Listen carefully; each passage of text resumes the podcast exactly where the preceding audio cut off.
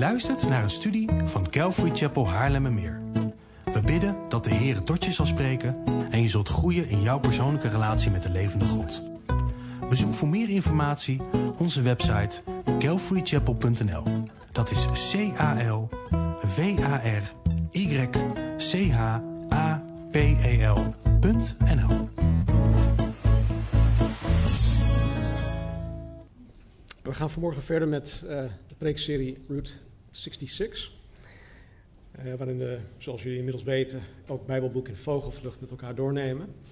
Uh, zodat we de Bijbel beter gaan leren kennen, de, alle verbanden in de Bijbel. Zodat we de, God van de Bijbel beter gaan leren kennen. En zodat we ook ja, oog gaan krijgen voor Jezus Christus in de gehele schrift.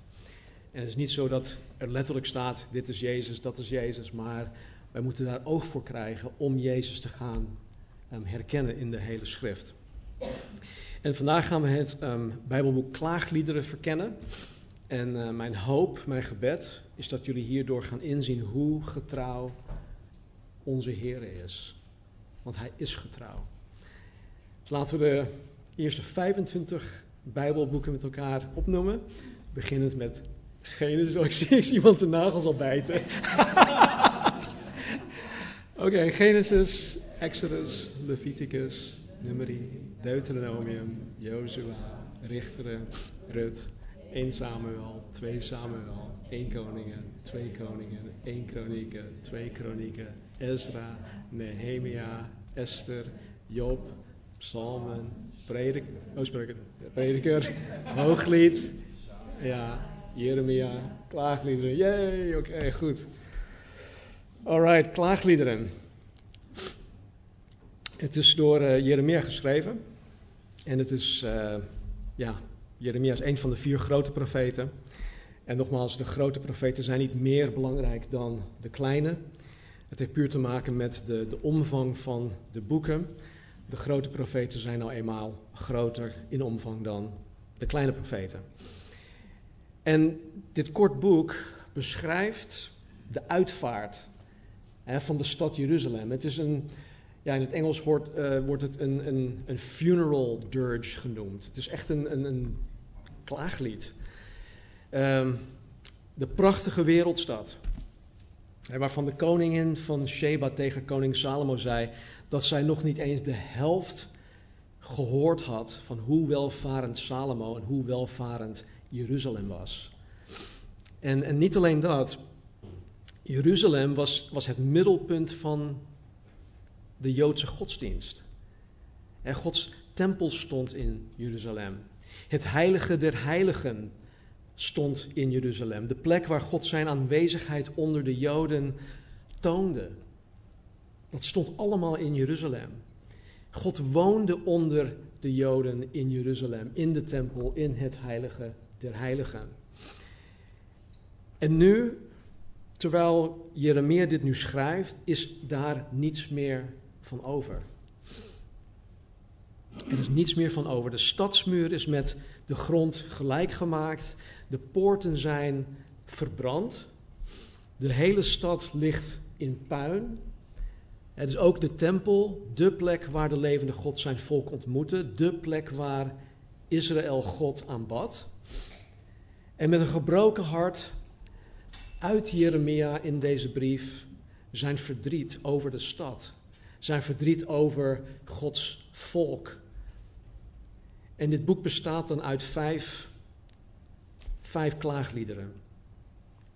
En een klaaglied, dat, worden we, ja, dat, dat gebruiken we tegenwoordig niet, dat woord. Uh, het wordt ook een elegie genoemd, dat gebruiken we ook niet. Maar volgens Van Dalen is het een, een lyrisch gedicht. Niet hilarisch, maar een lyrisch gedicht. Dus er zitten, zitten teksten in. En het is dus een lyrisch gedicht volgens Vandalen waarin een bepaalde ontwikkeling betreurd wordt door de schrijver, door de zanger of zangeres. Het is een klaagzang, het is een treurlied, het is geen happy clap lied. En we zouden het eventueel kunnen vergelijken met het moderne genre, de blues. Wat ergens in de, de 18e eeuw ontstond. En wat, wat, ja, de blues, dat, dat was van origine nogal depri. En, en daar zouden wij dat e- eventueel mee kunnen vergelijken. Vergelijking gaat niet helemaal op, maar that's, that's the closest we can get. En deze Jeremia die, die schreef vier van de vijf liederen in de vorm van een wat, wat, wat genoemd wordt een acrostigon. En dat betekent dat in hoofdstuk 1, 2 um, en 4, maar eigenlijk ook in hoofdstuk 3, dat elk vers begint met een letter van het Joods alfabet. En uh, hoofdstuk 1 bijvoorbeeld, en vers 1 begint met de eerste letter van het alfabet, vers 2 begint dan met de tweede letter van het alfabet enzovoort. En omdat het Joods alfabet uit 22, 22 letters bestaat, um, zien wij ook dat hoofdstukken 1, 2, 4, uh, 1, 2 en 4, sorry, ook uit 22 versen bestaat. Alleen hoofdstuk 3 bestaat uit 66 versen. En dat is omdat er per letter drie versen in staan. Dus voor de eerste letter van het Joods alfabet staan er dan drie versen. En hoofdstuk 5, dat is voornamelijk een, een gebed. En dat is dan geen uh, acrostigon, um, maar dat wordt gewoon door Jeremia opgeschreven. En er wordt gedacht door sommige Bijbelleraren dat Jeremia het boek op deze manier schreef, om het makkelijker te maken om, om het uit je hoofd te leren. En ja, misschien zit daar wat in, ik, ik weet het niet. Um, je zou het ook kunnen zien dat Jeremia eigenlijk van A tot Z huilt over de stad Jeruzalem. want dat, dat, zien we gewoon elke keer opnieuw terugkomen. En volgens de Joodse traditie schreef Jeremia klaagliederen vanuit een grot op Golgotha. Golgotha is de plek waar Jezus ook gekruisigd is. En hij, hij keek volgens deze traditie vanuit die grot over de stad Jeruzalem, terwijl het tot een, een ashoop aan het smeulen was. En zo schreef hij dan volgens traditie dit boek. En ik ben er zelf nooit geweest, maar mocht je ooit naar Jeruzalem toe gaan, dan zou je eventueel de grot van Jeremia kunnen bezoeken. Het staat er nog steeds, althans wat men denkt dat dat is. Hij schreef dit boek vanuit een en al ellende. En zijn hart was gebroken. Hij, hij huilde voor zijn volk en hij koesterde totaal geen wrok. Eh, hoewel dit menselijk gezien misschien wel terecht was. Nadat hij 40 tot 50 jaar lang het volk voor deze verwoesting had gewaarschuwd, had hij op dit moment, dus op het moment van schrijven, menselijk gezien echt zoiets kunnen hebben van: Oké, ik heb jullie gewaarschuwd. eigen schuld, dikke bult, zoiets. En maar dat doet hij niet. Hij had het hart van Jezus Christus, die zo'n 600 jaar hierna, na het schrijven van klaagliederen, ook over Jeruzalem huilde. En Jezus zei op een gegeven moment: Jeruzalem, Jeruzalem, u die de profeten doodt en stenigt, wie naar u toegezonden zijn. Hoe vaak heb ik uw kinderen bijeen willen brengen op de wijze waarop een hen haar kuikens bijeenbrengt onder haar vleugels. Maar u hebt het niet gewild. Zij wilden het in de tijd van de profeten niet. En ze wilden het in de tijd van de grootste profeet Jezus Christus nog steeds niet. En vandaag de dag, als je naar Israël toe gaat, willen ze het nog steeds niet. En zoals Jezus dan een paar versen hierna, wat ik net heb gelezen, niet alleen daarnaar kijkt, niet alleen kijkt, ik, ik, ik, ik huil over jullie, om jullie, maar Jezus keek ook naar de toekomst. En, en, en Jeremia, die ook niet puur naar deze ellende keek, te midden van zijn grote verdriet richtte hij zijn ogen ook op de toekomst, ook op God, God de Vader. En hij zei op een gegeven moment, te midden van al die ellende, groot is uw trouw. Groot is uw trouw. Dat hebben we net gezongen. Groot is uw trouw. In het licht van, van dood en verwoesting, terwijl alles in, in Jeremia's leven schijnbaar in elkaar stort, keert Jeremia de situatie om in een, in een gigantische geloofsoverwinning. En wat hebben wij dat vandaag de dag nodig? Wij moeten alles waarmee, waarmee wij te maken krijgen omkeren in een, in een geloofsoverwinning. Geloven dat God trouw is. En dat hij dat altijd zal blijven. Jeremia weet uit zo'n 40 tot 50 jaar ervaring met God te, uh, gewandeld te hebben, dat God hem nooit had laten vallen. Nooit, in al die tijd. En hij weet ook dat God in de toekomst net zo getrouw zal zijn zoals hij dat in het verleden was. En dus met het oog op de God die hij kent, en waarvan hij met heel zijn hart, ziel, kracht en verstand houdt, vindt Jeremia oneindige hoop en troost. Te midden van het allerergste wat hem ooit is overkomen. En dit zullen we zo meteen ook in hoofdstuk 3 gaan zien. Maar laten we eerst kijken naar een stukje context. Uh, ik ga uit Jeremia 39 voorlezen, dus als je je Bijbel opent, is het goed. Ik zal ze ook hier op de slides projecteren, op, op het scherm projecteren. Maar Jeremia 39 vertelt wat er gaande is, waarom hij klaagliederen heeft geschreven. En dit staat trouwens ook in, um, in 2 Koningen hoofdstuk 25 en ook in 2 Kronieken hoofdstuk 36. Uh, wat, wat, wat er gaande is. Maar laten we beginnen. Jeremia 39, vers 1. In het negende jaar van Zedekia, de koning van Juda.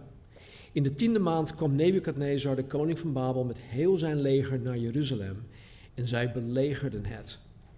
In het, elfde, in het jaar van Zedekia, in de vierde maand, op de negende van die maand, werd de stad opengebroken.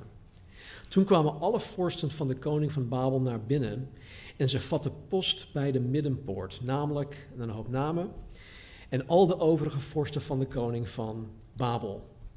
En het gebeurde, vers 4, zodra Zedekia, de koning van Juda, en al de strijdbare mannen hen zagen, dat zij op de vlucht sloegen en s'nachts uit de stad vertrokken in de richting van de tuin van de koning, door de poort tussen twee muren.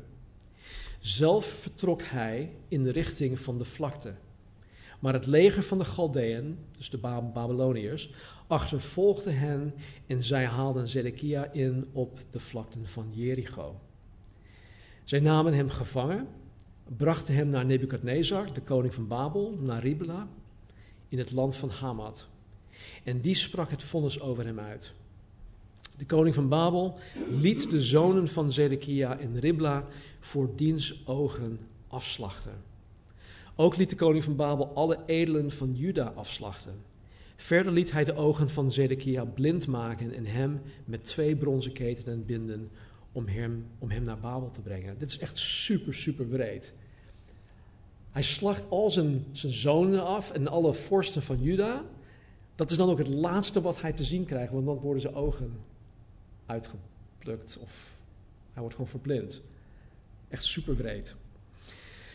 Um, vers 9. De rest van het volk dat in de stad was overgebleven, de overlopers die naar hem waren overgelopen, en de rest van het volk dat was overgebleven, voerde Nebuzaradan, de bevelhebber van, lijfwacht, van de lijfwacht, in ballingschap naar Babel. Dit is, dit is dus de derde en de laatste keer dat mensen afgevoerd zijn naar uh, Babylon. Babel, Babylon, dat is trouwens hetzelfde. Maar enige van de armsten van het volk, die helemaal niets bezaten, liet Nebuzaradan, de bevelhebber van de lijfwacht, in het land Juda achter. Hij gaf hen op die dag wijngaarden en akkers. Maar wat Jeremia betrof, had Nebukadnezar, de koning van Babel, bevel gegeven door de hand van Nebuzaradan, de bevelhebber van de lijfwacht. Neem Jeremia mee, houd uw ogen op hem gericht en doe hem geen enkel kwaad. Voorzeker, zoals hij tot u spreken zal, zo moet u met hem doen. Toen stuurde Nebuzaradan, de bevelhebber van de lijfwacht, een aantal andere mensen. En um, vers 14, sorry. Zij stuurden boden, haalden Jeremia uit het binnenplein van de wacht en gaven hem over aan Gedalia, de zoon van Ahikam, de zoon van Savan, om hem naar huis te brengen. Zo verbleef hij, dus Jeremia, midden van, te midden van het volk.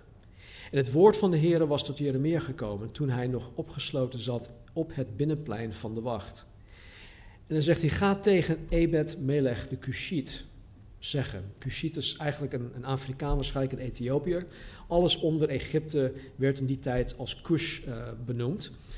Zo zegt de Heer van de legermachten, de God van Israël: Zie, ik ga mijn woorden over deze stad brengen ten kwade en niet ten goede. Op die dag zullen ze voor uw ogen geschieden. Op die dag zal ik u echter redden, spreekt de Heer. Dus hij gaat, God gaat deze Ebed Melech, deze Ethiopiër, redden.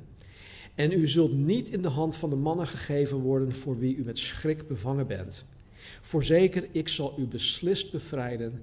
U zult niet vallen door het zwaard en u zult uw leven tot buit hebben, omdat u op mij hebt vertrouwd, spreekt de Heer. Tot zover. Kijk, dit is een, een snapshot hè, van, um, van Gods straf over Juda en over Jeruzalem. En het is verpand, verpand dat de, de laatste koning van Juda, deze Zedekia, gevangen genomen werd in Jericho. Want, want Jericho, of in Jericho vond de eerste overwinning in het beloofde land plaats onder leiding van Jozua. En nu komt deze laatste koning in gevangenschap op deze plek. Um, wat in dit stuk ook duidelijk naar voren komt, is dat God Jeremia in bescherming neemt. Hè, om hem gunst te geven bij uh, de koning van Babel, koning uh, Nebukadnezar. Jeremia kreeg zelfs carte blanche en zei tegen die bevelhebber: Wat hij ook zegt tegen je, laat hem dat doen. Geef hem gewoon carte blanche.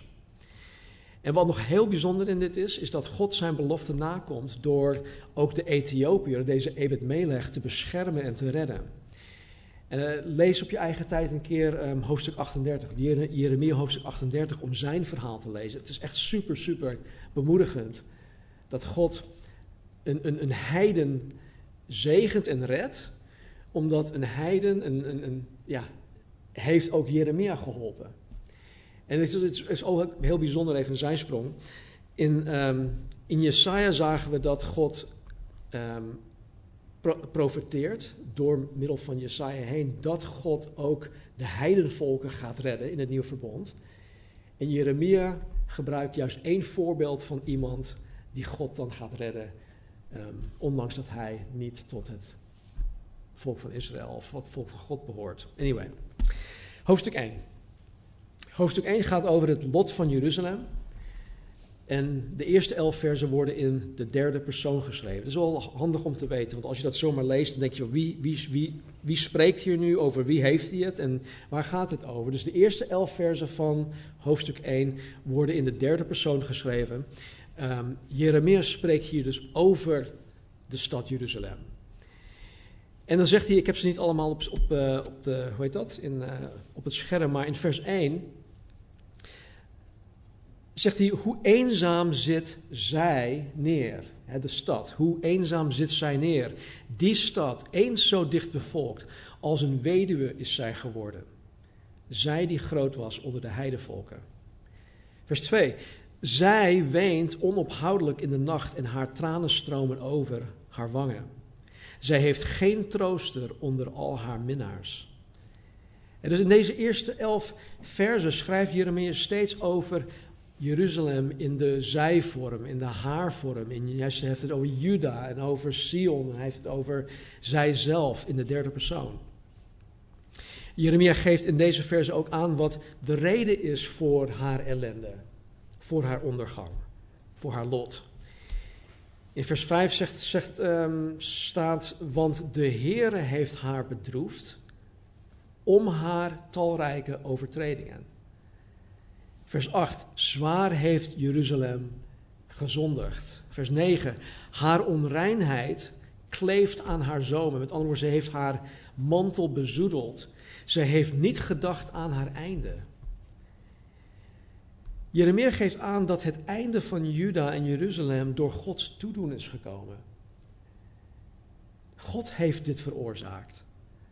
God is haar nu, na zo'n 400 jaar lang geduld, eh, geduldig met haar te zijn geweest, aan het straffen voor het verbreken van het verbond met God. Zij hebben het verbond met God verbroken, God niet. En een van de fouten die Juda maakte, is ook een fout die, die sommigen van ons maken. Juda heeft niet nagedacht aan haar einde.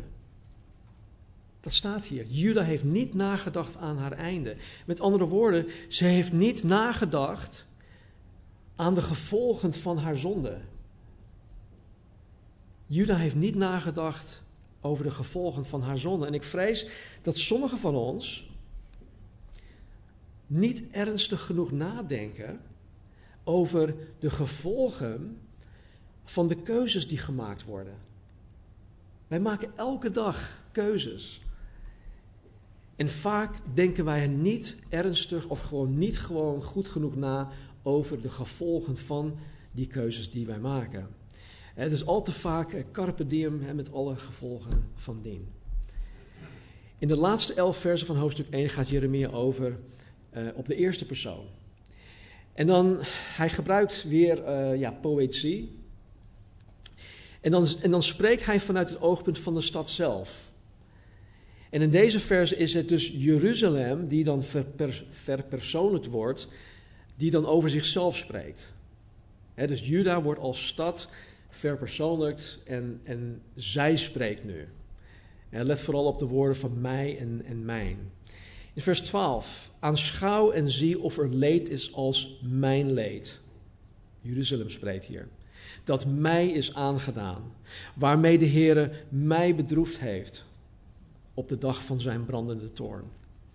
Vers 13. Hij heeft mij tot verwoesting overgegeven. De hele dag ziek gemaakt. Vers 16.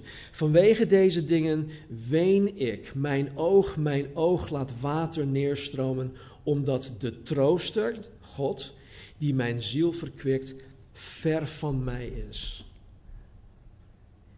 In de eerste elf versen beschrijft Jeremia dus het lot van Jeruzalem. En in de tweede helft betreurt Jeruzalem haar eigen lot. Hoofdstuk 2. Dat gaat over de toorn van God. En door het hele hoofdstuk heen ligt de nadruk dat de, uh, dat de verwoesting van Jeruzalem door God zelf teweeggebracht is. De uitdrukking de Heere heeft of Hij heeft in, in alle vormen komt zo'n 30 keer in deze 22 versen voor. Even terug in hoofdstuk 21 staat: U hebt, u God, u hebt de dag gebracht die u aangekondigd hebt. God heeft hen al in Exodus en in Deuteronomium hiervoor gewaarschuwd. Honderden jaren hiervoor. En ook dit hoofdstuk is opgedeeld in twee, hoofdstuk 2. In de eerste twaalf versen wordt de toorn van God beschreven. En vanaf vers 13 wordt er in de tweede persoon gesproken waarin de geslagen ja, stad gewoon aangespoord wordt. De, de stad wordt zelf aangespoord. Vers 1. Hij heeft, dus God heeft vanuit de hemel ter aarde geworpen de luister van Israël. Vers 2. De Heere heeft verslonden, hij heeft niet gespaard alle woningen van Jacob. Vers 5. De Heere is als een vijand geworden, hij heeft Israël verslonden. Vers 6. Hij heeft zijn plaats van samenkomst te gronden gericht.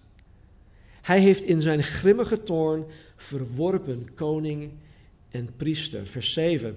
De Heere heeft zijn altaar verstoten, teniet gedaan zijn heiligdom. En in deze, in deze laatste twee versen, vers 6 en 7, zien wij dat God zijn plaats van aanbidding niet alleen heeft verlaten, want hij was daar gewoon niet meer en hij was niet aanwezig, maar dat hij het ook nog eens geheel verwoest heeft. Hij heeft het geheel verwoest, zodat mensen die daar overbleven niet door konden gaan met, hun, met het pretenderen om God zogenaamd te aanbidden. En dit doet mij een beetje denken aan, um, aan Openbaring 2. Het stukje Openbaring 2 en 3, waarin Jezus zeven brieven aan de verschillende gemeenten schrijft. En in Openbaring 2 schrijft hij aan de gemeente in Efeze, die haar eerste liefde heeft verlaten. Dus die is de liefde niet verloren, niet kwijtgeraakt, maar die heeft haar eerste liefde verlaten. Tegen die gemeente zegt hij: bekeer je. En als je dat niet doet, dan neem ik mijn kandelaar bij jullie weg. Met andere woorden, dan zeg ik: Dag mensen, ik ben er niet meer. Jullie zijn gewoon nu een, een sociaal clubje. Jullie doen allerlei dingen, allerlei activiteiten. Maar ik ben er niet. ik ben niet langer het hoofd van, van deze kerk. En dat heeft God ook hier gedaan. Vers 17. De Heere heeft gedaan wat hij zich had voorgenomen. Hij heeft zijn woord vervuld dat hij in de dagen van weleer geboden had. Hij heeft afgebroken en niet gespaard.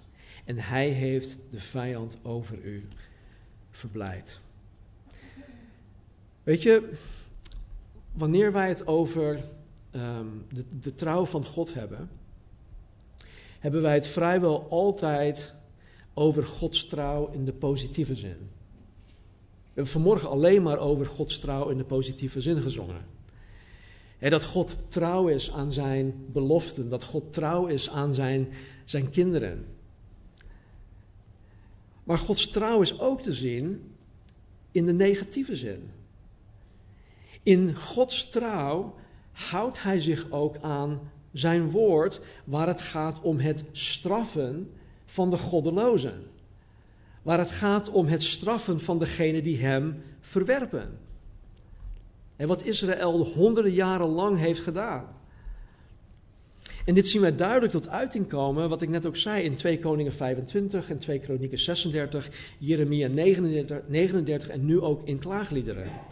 Deze gaan allemaal over hetzelfde.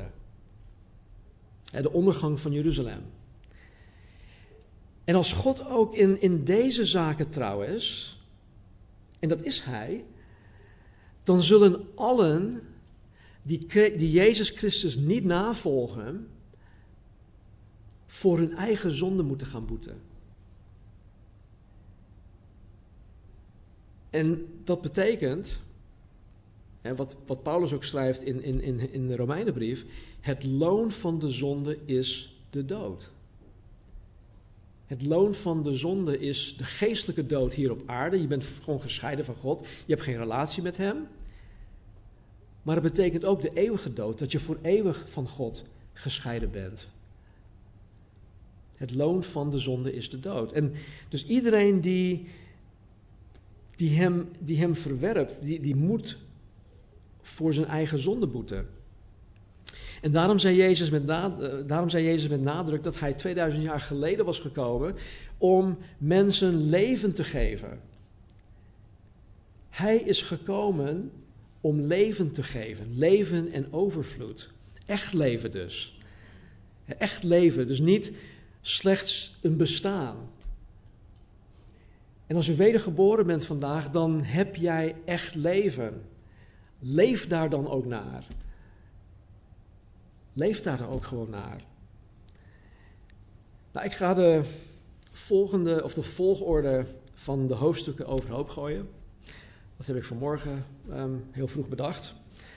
Um, want ik wil eigenlijk met hoofdstuk 3 eindigen. Uh, dus um, hoofdstuk 4 gaan we nu e-, even heel kort. In hoofdstuk 4 zien wij, hè, zoals in hoofdstuk 2, ook de toorn van God. Maar in tegenstelling tot hoofdstuk 2, waarin Gods toorn slechts beschreven wordt, wordt Gods toorn in hoofdstuk 4 uitgelegd. En dus Gods, woord, Gods toorn wordt uitgelegd. Het, het wordt zelfs verdedigd. Dat is hoofdstuk 4. In de versen 1 tot en met 11 zien we een aantal vergelijkingen tussen de Jeruzalem van toen, hè, dus voor de straf, en wat nu overgebleven is. En vanaf vers 12 en hoofdstuk 4 zien wij de gedachten en de handelingen van de omliggende heidense naties en wat zij daarover denken, wat zij daarover te zeggen hebben. En het is schrijnend om te horen dat Gods volk op deze manier gewoon beschaamd wordt. Hoofdstuk 5 is, is, wat ik al zei, is geen acrostigon en het is voornamelijk een gebed. En het is een gebed wat gedaan wordt vanuit de verpersoonlijkte stad Jeruzalem. Dus het is eigenlijk Jeruzalem die tot God bidt in hoofdstuk 5. Nou, hoofdstuk 3. In hoofdstuk 3 zien wij de ellende. Wij zien het verdriet van Jeremia. En we zien de ellende en het verdriet van Jeremia zelf. Dit is echt een, een persoonlijk hoofdstuk vanuit zijn eigen hart, zijn eigen denken geschreven. En ik gaf eerder al aan dat Jeremia dusdanig verbonden is met Gods volk. En dat hij ontzettend begaan is met hun leed. En waar hij dus persoonlijk in dit hoofdstuk over zijn eigen ellende en verdriet, verdriet spreekt, zou het eigenlijk ook zo kunnen zijn dat het, het um, de verpersoonlijk Jeruzalem is die over haar eigen ellende en verdriet spreekt. Die twee zijn zo nauw verbonden en verweven. Jeremia spreekt vanuit zijn eigen hart, maar het kan net zo goed zijn dat, dat Jeruzalem ook op deze manier spreekt. Zo nauw verbonden is uh, Jeremia's hart met Jeruzalem. En ook dit hoofdstuk, uh, wat bestaat uit 66 versen, is opgedeeld in tweeën. De eerste 39 versen gaan alleen maar over Jeremia's ellende. Maar te midden van die ellende is er een sprankel van hoop. Uh, in versen 22 tot 39. En dan vanaf vers 40 zien wij een daaruit voortvloeiend uh, gebed waarin Jeremia op God beroep doet voor het volk en dan ook voor zichzelf. Nou, vers 14. Uh, ehm, hoofdstuk 3, vers 14. Ik ben belachelijk geworden. Hij heeft het over zichzelf. Ik ben belachelijk geworden voor heel mijn volk. Het onderwerp van hun spotlied de hele dag. Vers 15. Hij heeft mij met bitterheden verzadigd. God heeft hem met bitterheden verzadigd. Hij, God, heeft mij, vers 16, mijn tanden op kiezelstenen laten stuk bijten. Hij heeft mij in de as neergedrukt. Vers 17. Van vrede verstoten is mijn ziel. Ik ben het goede vergeten. Vers 18. Mijn kracht is vergaan en wat ik van de Heere verwachtte. Dat is een hopeloos iemand. Geen kracht en alles wat hij van God eventueel zou kunnen verwachten, daar, dat is hij helemaal kwijt. En in vers 20. Mijn ziel denkt er onop, onophoudelijk aan. Zij buigt, zij buigt zich neer in mij. Hij wordt ermee wakker en hij gaat ermee naar bed. Hij, hij denkt er onophoudelijk aan. En kijk, ondanks al zijn leed en ellende en verdriet, wat ik hieraan zo kostbaar vind, is dat Jeremia in zijn ellende gewoon brutaal eerlijk is. Hij is, hij is ongenadig eerlijk hierover. Hij is echt. En wat nog mooier is, is, is dat wij hierin zien dat het oké is. Het is oké om, om echt te zijn met God. En wij mogen onze klaagliederen bij God uiten. Hij heeft ons zo gemaakt. Dat bedoelt niet dat wij moeten vloeken en tieren tegen God. Nee, maar wij mogen onze harten uitstorten bij God. Het is oké om bij God te klagen. En als je, weet je, als, als Jeremia vandaag de dag door een psycholoog geëvalueerd zou worden, dan zou hij hoogstwaarschijnlijk een diagnose krijgen van zwaar depressief of iets dergelijks. Dus eh, hij was echt een, ja, een, een, een zielige, zielig mens op dit moment. Maar omdat hij God kent en omdat hij weet dat hij, Jeremia, te allen tijden bij God zichzelf kon zijn. Dat hij echt kan zijn. Vindt Jeremia zijn hulp bij God. Hij vindt hoop in God. En te midden van zijn ellende, noem het even depressie, richt hij zijn ogen op God. Hij richt zijn ogen op wat waar is. Hij richt zijn ogen niet op wat hij ziet, wat hij waarneemt. Hij richt zijn ogen en zijn hart en zijn gedachten ook niet op de leugens die allemaal op hem afkomen. Nee, hij richt zijn ogen en zijn hart en zijn gedachten op God en op wat waar is. Vers 22. Het is de goedertierenheid van de Heere dat wij niet omgekomen zijn. Dat zijn barmhartigheid niet opgehouden is. Het is de goedertierenheid van de Heere dat wij niet omgekomen zijn. Dat zijn barmhartigheid niet opgehouden is. Wat ik zojuist al zei, kent Jeremia God. Hij kent God. Hij weet dat het alleen door de goede tierenheid, door de genade, door de barmhartigheid van God is hij überhaupt nog leeft. En dat hij überhaupt door God gered is.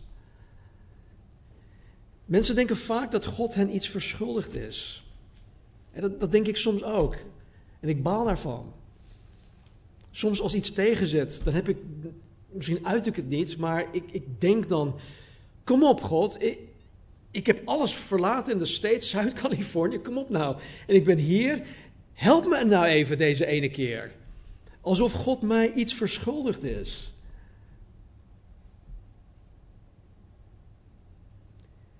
Eh, zij hebben het gevoel van, van recht hebben. Maar dat is waanzin.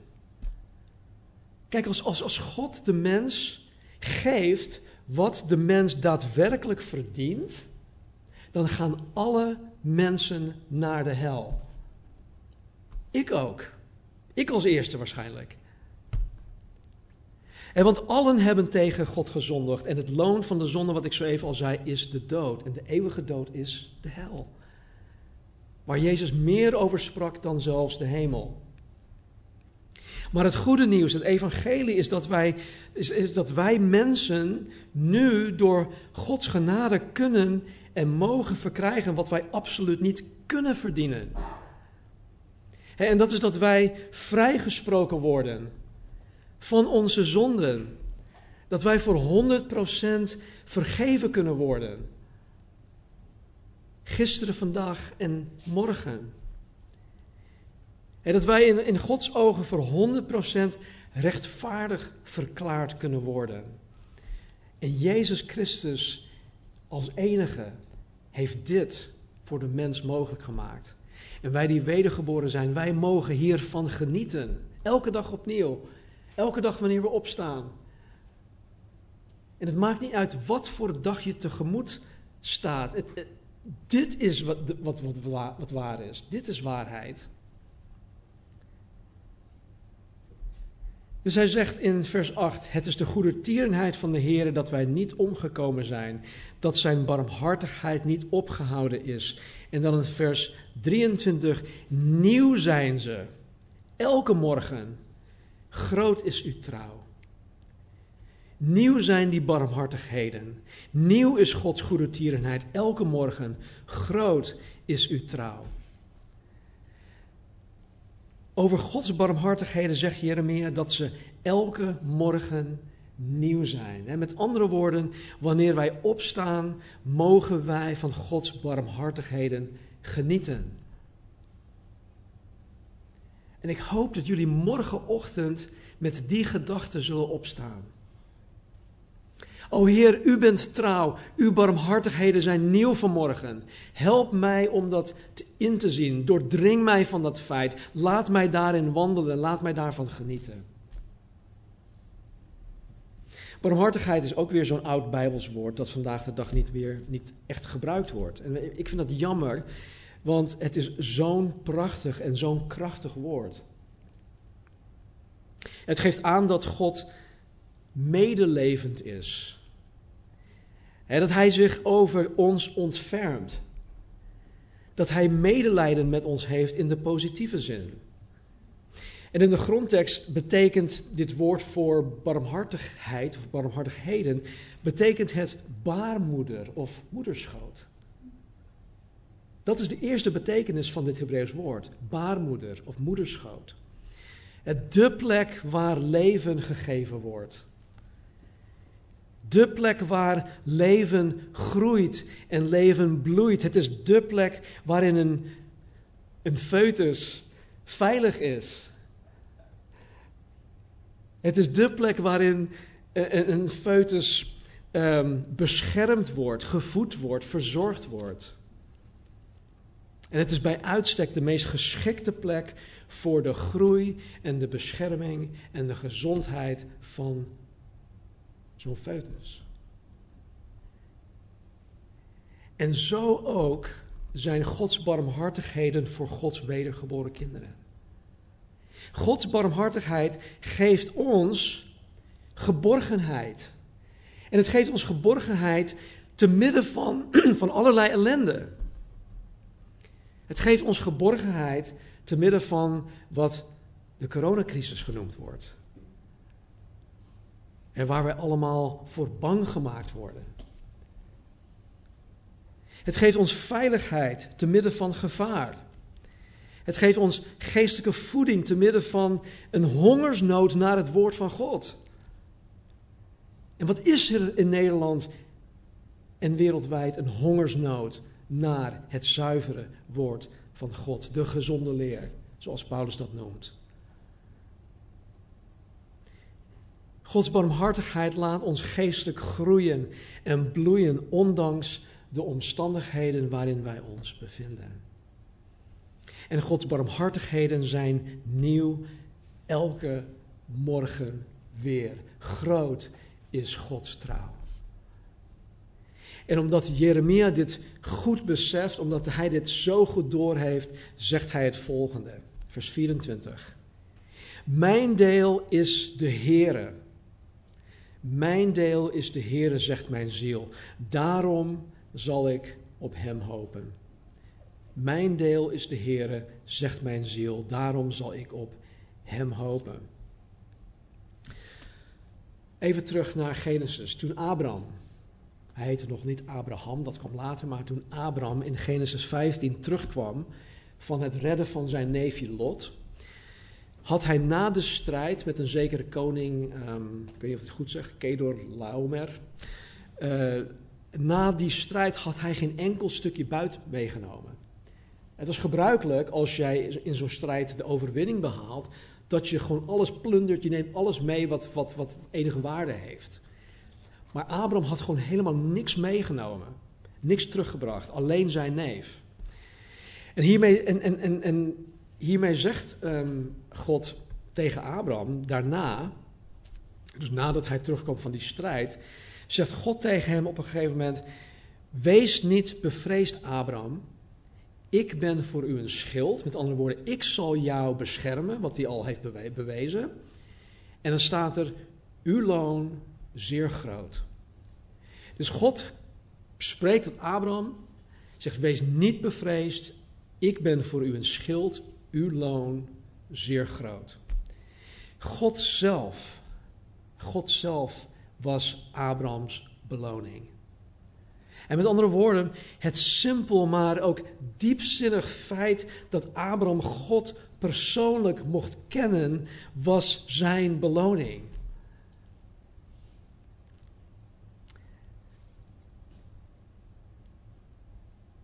Hebben het laatst gehad in onze fundamentenstudie over, uh, fundamentencursus over de wedergeboorte. En ik zeg het wel eens vaker ook hier, dat het grootste wonder in een mensenleven is de wedergeboorte. Wij kunnen niet uit eigen kracht, uit eigen wil of uit de wil van onze ouders of opa's en oma's tot wedergeboorte komen. Johannes, of uh, Jezus zei dat ook in Johannes. Het is niet uit de wil van een mens of een man of uit bloed. Het is dus niet bloed, ik heb kinderen, het zijn bloedverwanten, maar zij zijn niet automatisch kinderen van God, wedergeboren kinderen van God. Nee, God bewerkstelligt dat in een mens. En dat is het grootste wonder dat een mens ooit kan overkomen. Want daardoor mogen wij de God van de Bijbel, Jezus Christus, God de Vader en de Heilige Geest, mogen wij Hem persoonlijk leren kennen.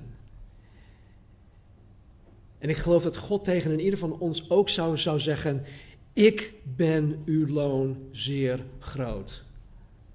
Ik ben jullie beloning. Ik zelf ben jullie beloning. Zoek het niet in andere dingen. Zoek het nergens anders. Ik ben het.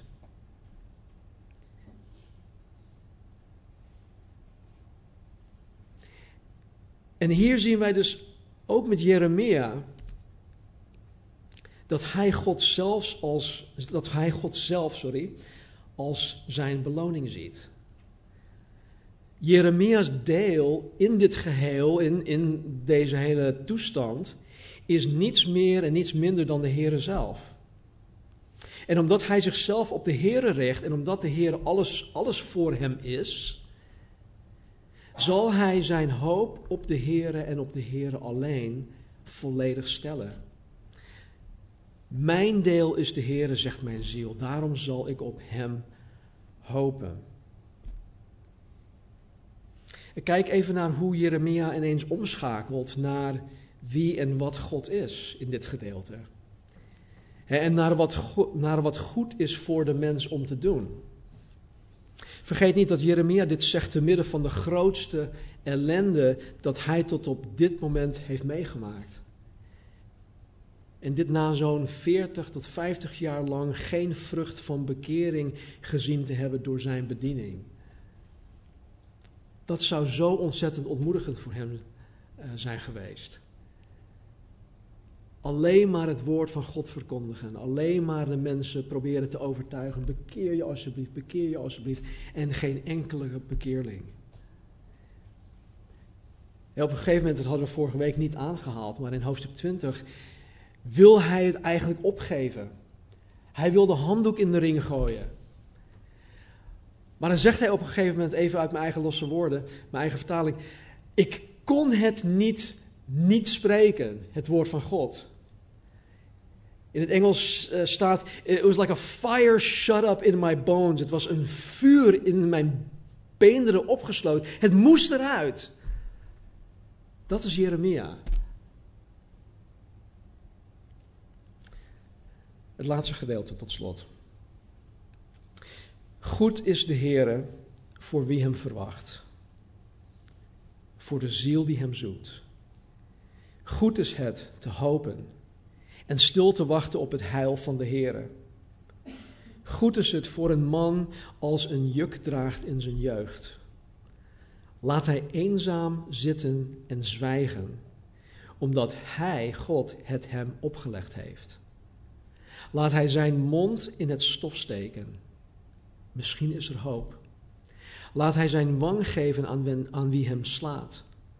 Laat hij met smaad verzadigd worden. Want niet voor eeuwig verstoot de Heere. Want wanneer hij God bedroefd heeft, zal hij zich ontfermen naar de grootheid van zijn goedertierenheid. Want niet van harte verdrukt en bedroeft hij mensenkinderen. Gods goedertierenheid, Gods barmhartigheden die nieuw zijn elke morgen. Gods grote trouw, Gods goedheid, Gods heil, Gods ontferming. Eh, dit zijn dingen waarop Jeremia zich richt. Hij richt zich niet op de omstandigheden waarin hij zich bevindt. En honderden jaren later schrijft de grote apostel Paulus een prachtige brief aan de kerk in Filippi, aan de Filippenzen. En dan zegt hij dit. Verder, broeders, al wat waar is, al wat eerbaar is, al wat rechtvaardig is, al wat rein is, al wat lieflijk is, al wat welluidend is, als er enige deugd is en als er iets prijzenswaardig is, bedenk dat. En met bedenk dat bedoelt hij, mediteer daarop.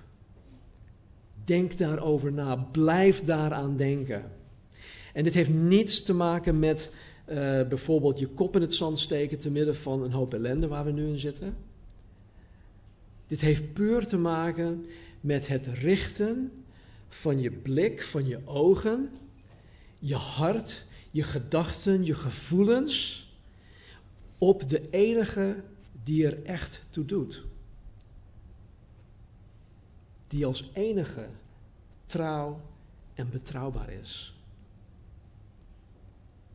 Groot is uw trouw, o Heer. Laten we bidden. Hemelse Vader, dank u wel voor uw trouw. Dank u wel voor het geweldig voorbeeld van uw profeet Jeremia. Heer, echt, pet je af, Heer. Zoveel respect voor deze man. En dank u wel dat u hem als voorbeeld hebt gegeven. Heer, voor mij als voorganger, maar ook gewoon voor mij als uw kind, uw zoon, christen. Vader, om te leren volharden. Te midden van zoveel tegenstand, te midden van zoveel strijd, te midden van zoveel verwarring en ellende. en moeilijkheid. Dank u wel, Heer, dat Jeremia de handdoek in de ring niet heeft gegooid. En dat hij heeft geleerd, Vader, om te blijven volharden. Leer ons dat ook alstublieft. En leer ons vooral, Heer, om onze ogen, onze harten, onze gedachten, onze gevoelens op U te richten. U bent de enige die ertoe doet, Heer. U bent de enige die trouw en getrouw is en, zal, en dat al, altijd zal blijven. Heer, U heeft ons nooit gefaald. En U zal het ook nooit doen. Houd ons dicht bij U. Houd ons kort. Laat ons nergens mee wegkomen dat U niet eert.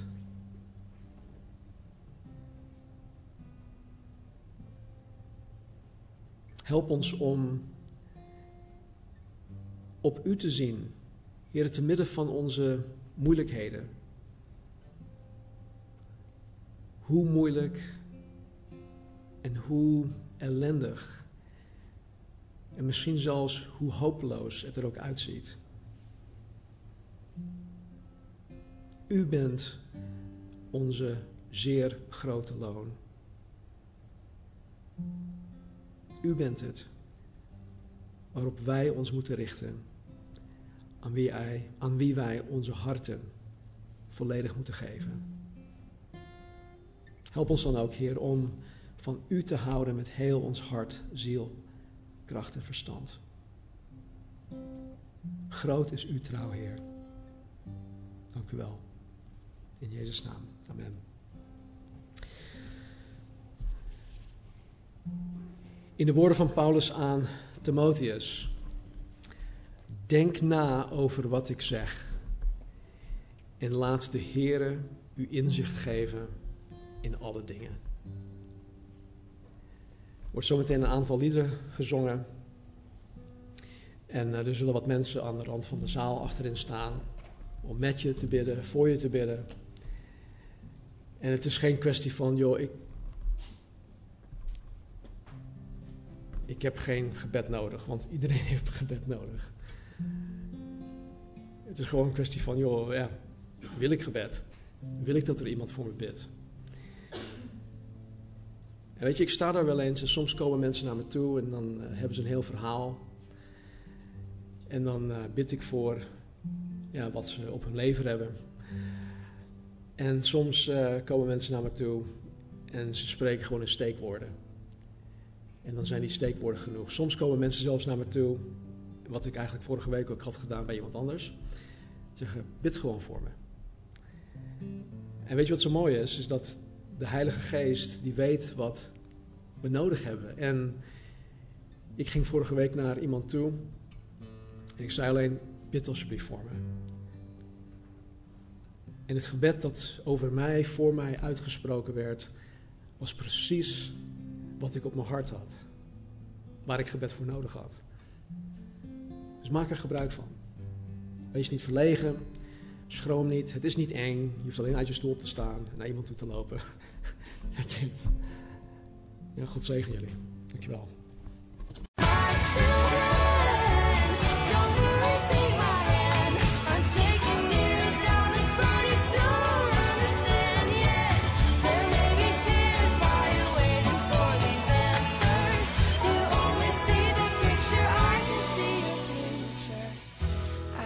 tell you right now, it's gonna be alright.